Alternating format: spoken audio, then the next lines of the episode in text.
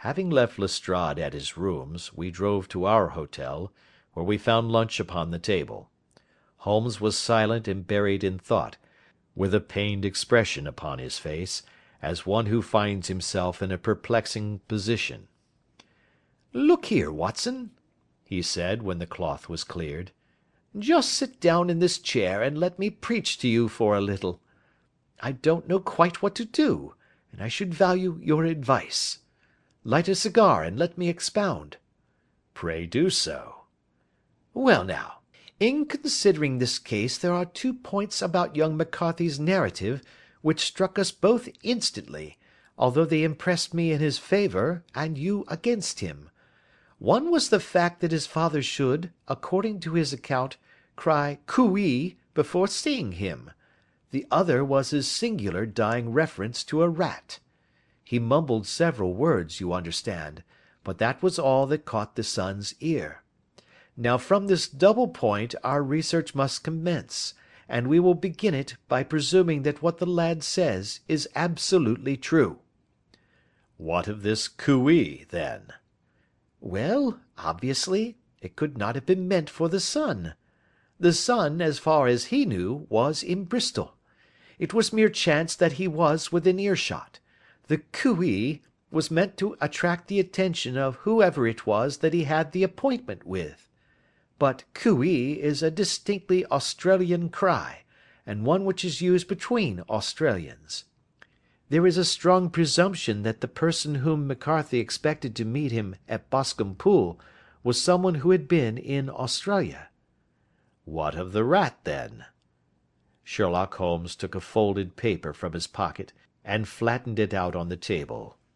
"This is a map of the colony of Victoria," he said. "I wired to Bristol for it last night." He put his hand over part of the map. "What do you read?" "A rat," I read. "And now?" He raised his hand. "Ballarat." "Quite so. That was the word the man uttered and of which his son only caught the last two syllables. He was trying to utter the name of his murderer, so and so, of Ballarat." "It is wonderful!" I exclaimed. "It is obvious. And now you see I had narrowed the field down considerably. The possession of a grey garment was a third point which, granting the son's statement to be correct, was a certainty.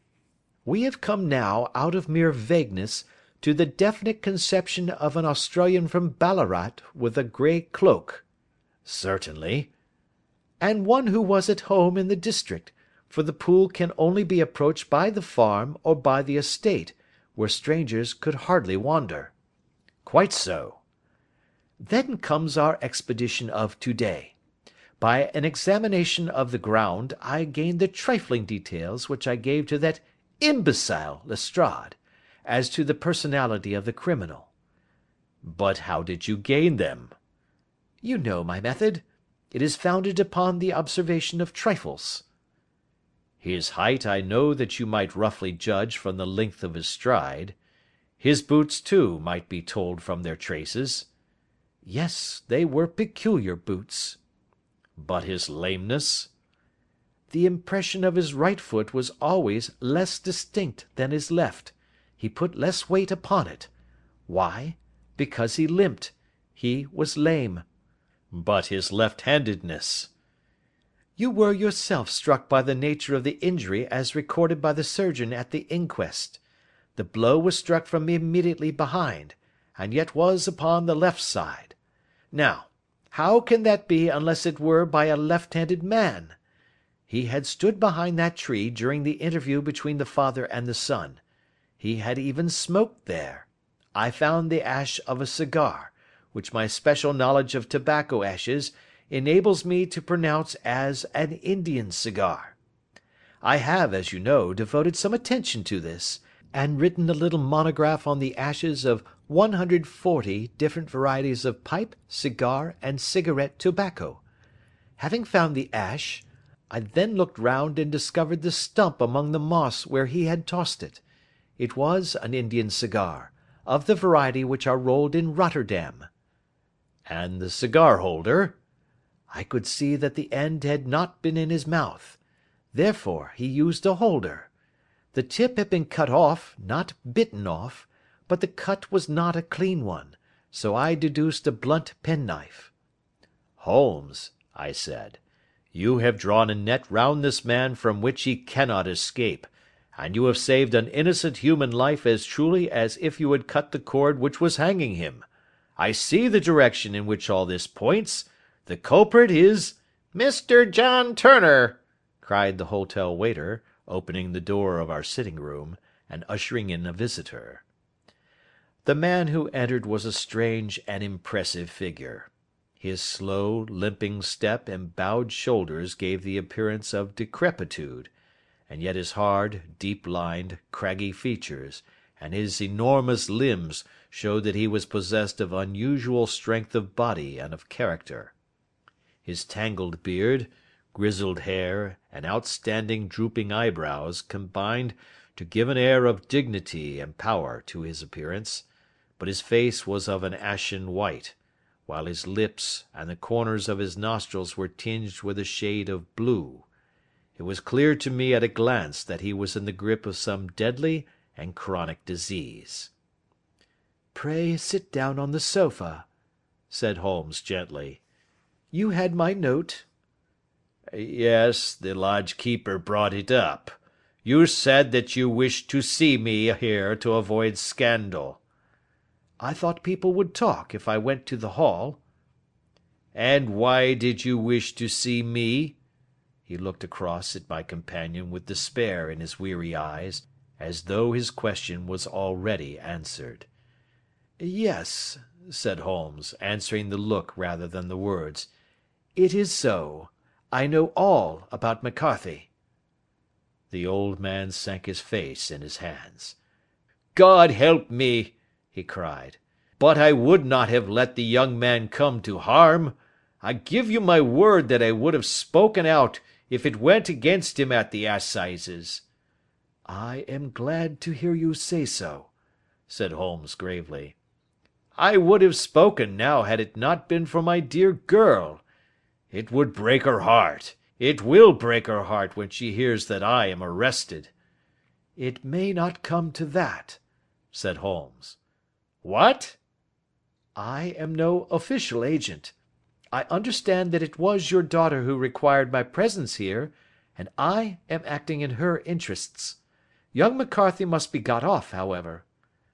"I am a dying man," said old Turner. "I have had diabetes for years. My doctor says it is a question whether I shall live a month. Yet I would rather die under my own roof than in a jail." Holmes rose and sat down at the table with his pen in his hand and a bundle of paper before him. "Just tell us the truth," he said. "I shall jot down the facts. You will sign it, and Watson here can witness it. Then I could produce your confession at the last extremity to save young McCarthy. I promise you that I shall not use it unless it is absolutely needed." "It's as well," said the old man. "It's a question whether I shall live to the assizes, so it matters little to me, but I should wish to spare Alice the shock. And now I will make the thing clear to you. It has been a long time in the acting, but will not take me long to tell. You didn't know this dead man, McCarthy. He was a devil incarnate. I tell you that. God keep you out of the clutches of such a man as he. His grip has been upon me these twenty years, and he has blasted my life. I'll tell you first how I came to be in his power. It was in the early sixties, at the diggings. I was a young chap then, hot blooded and reckless, ready to turn my hand at anything. I got among bad companions, took to drink, had no luck with my claim, took to the bush, and in a word became what you would call over here a highway robber. There were six of us, and we had a wild, free life of it, sticking up a station from time to time, or stopping the waggons on the road to the diggings. Black Jack of Ballarat was the name I went under, and our party is still remembered in the colony as the Ballarat Gang. One day a gold convoy came down from Ballarat to Melbourne, and we lay in wait for it and attacked it. There were six troopers and six of us, so it was a close thing, but we emptied four of their saddles at the first volley. Three of our boys were killed, however, before we got the swag. I put my pistol to the head of the wagon driver, who was this very man McCarthy. I wish to the Lord that I had shot him then, but I spared him, though I saw his wicked little eyes fixed on my face, as though to remember every feature.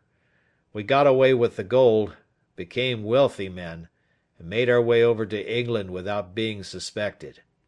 There I parted from my old pals and determined to settle down to a quiet and respectable life.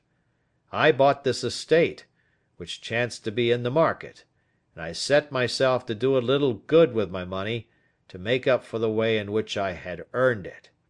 I married too, and though my wife died young, she left me my dear little Alice. Even when she was just a baby, her wee hand seemed to lead me down the right path as nothing else had ever done. In a word, I turned over a new leaf, and did my best to make up for the past. All was going well when McCarthy laid his grip upon me. I had gone up to town about an investment, and I met him in Regent Street with hardly a coat to his back or a boot to his foot. "Here we are, Jack," says he touching me on the arm. We'll be as good as a family to you. There's two of us, me and my son, and you can have the keeping of us. If you don't, it's a fine law abiding country is England, and there's always a policeman within hail. Well, down they came to the west country, there was no shaking them off, and there they have lived rent free on my best land ever since. There was no rest for me, no peace, no forgetfulness. Turn where I would, there was his cunning, grinning face at my elbow. It grew worse as Alice grew up, for he soon saw I was more afraid of her knowing my past than of the police. Whatever he wanted he must have, and whatever it was I gave him without question, land, money, houses, until at last he asked a thing which I could not give. He asked for Alice. His son, you see, had grown up, and so had my girl, and as I was known to be in weak health, it seemed a fine stroke to him that his lad should step into the whole property. But there I was firm.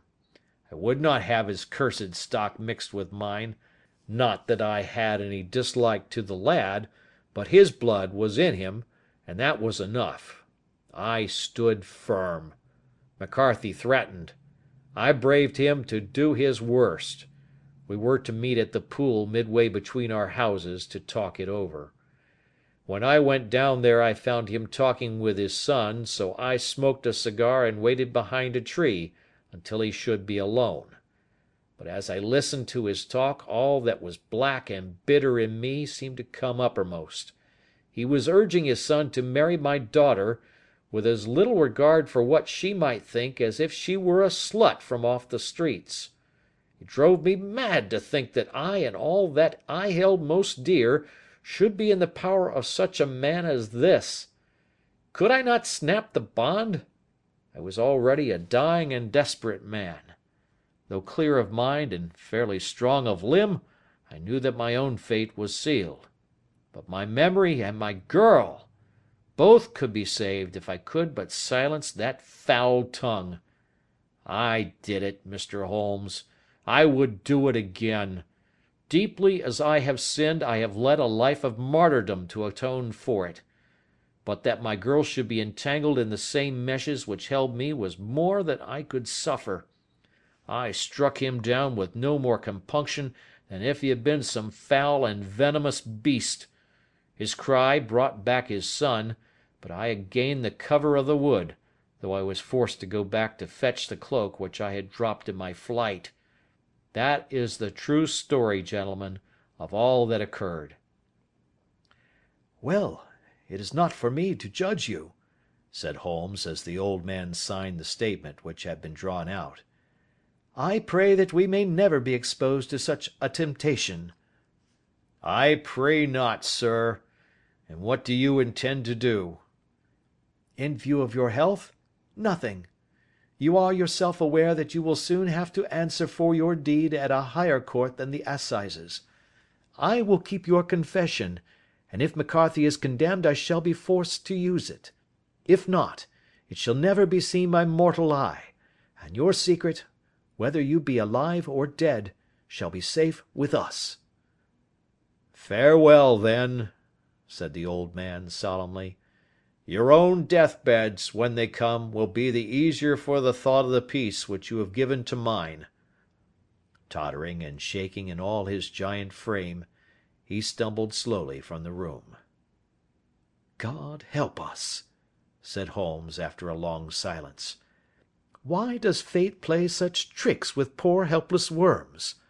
I never hear of such a case as this that I do not think of Baxter's words and say, 'There, but for the grace of God, goes Sherlock Holmes.'"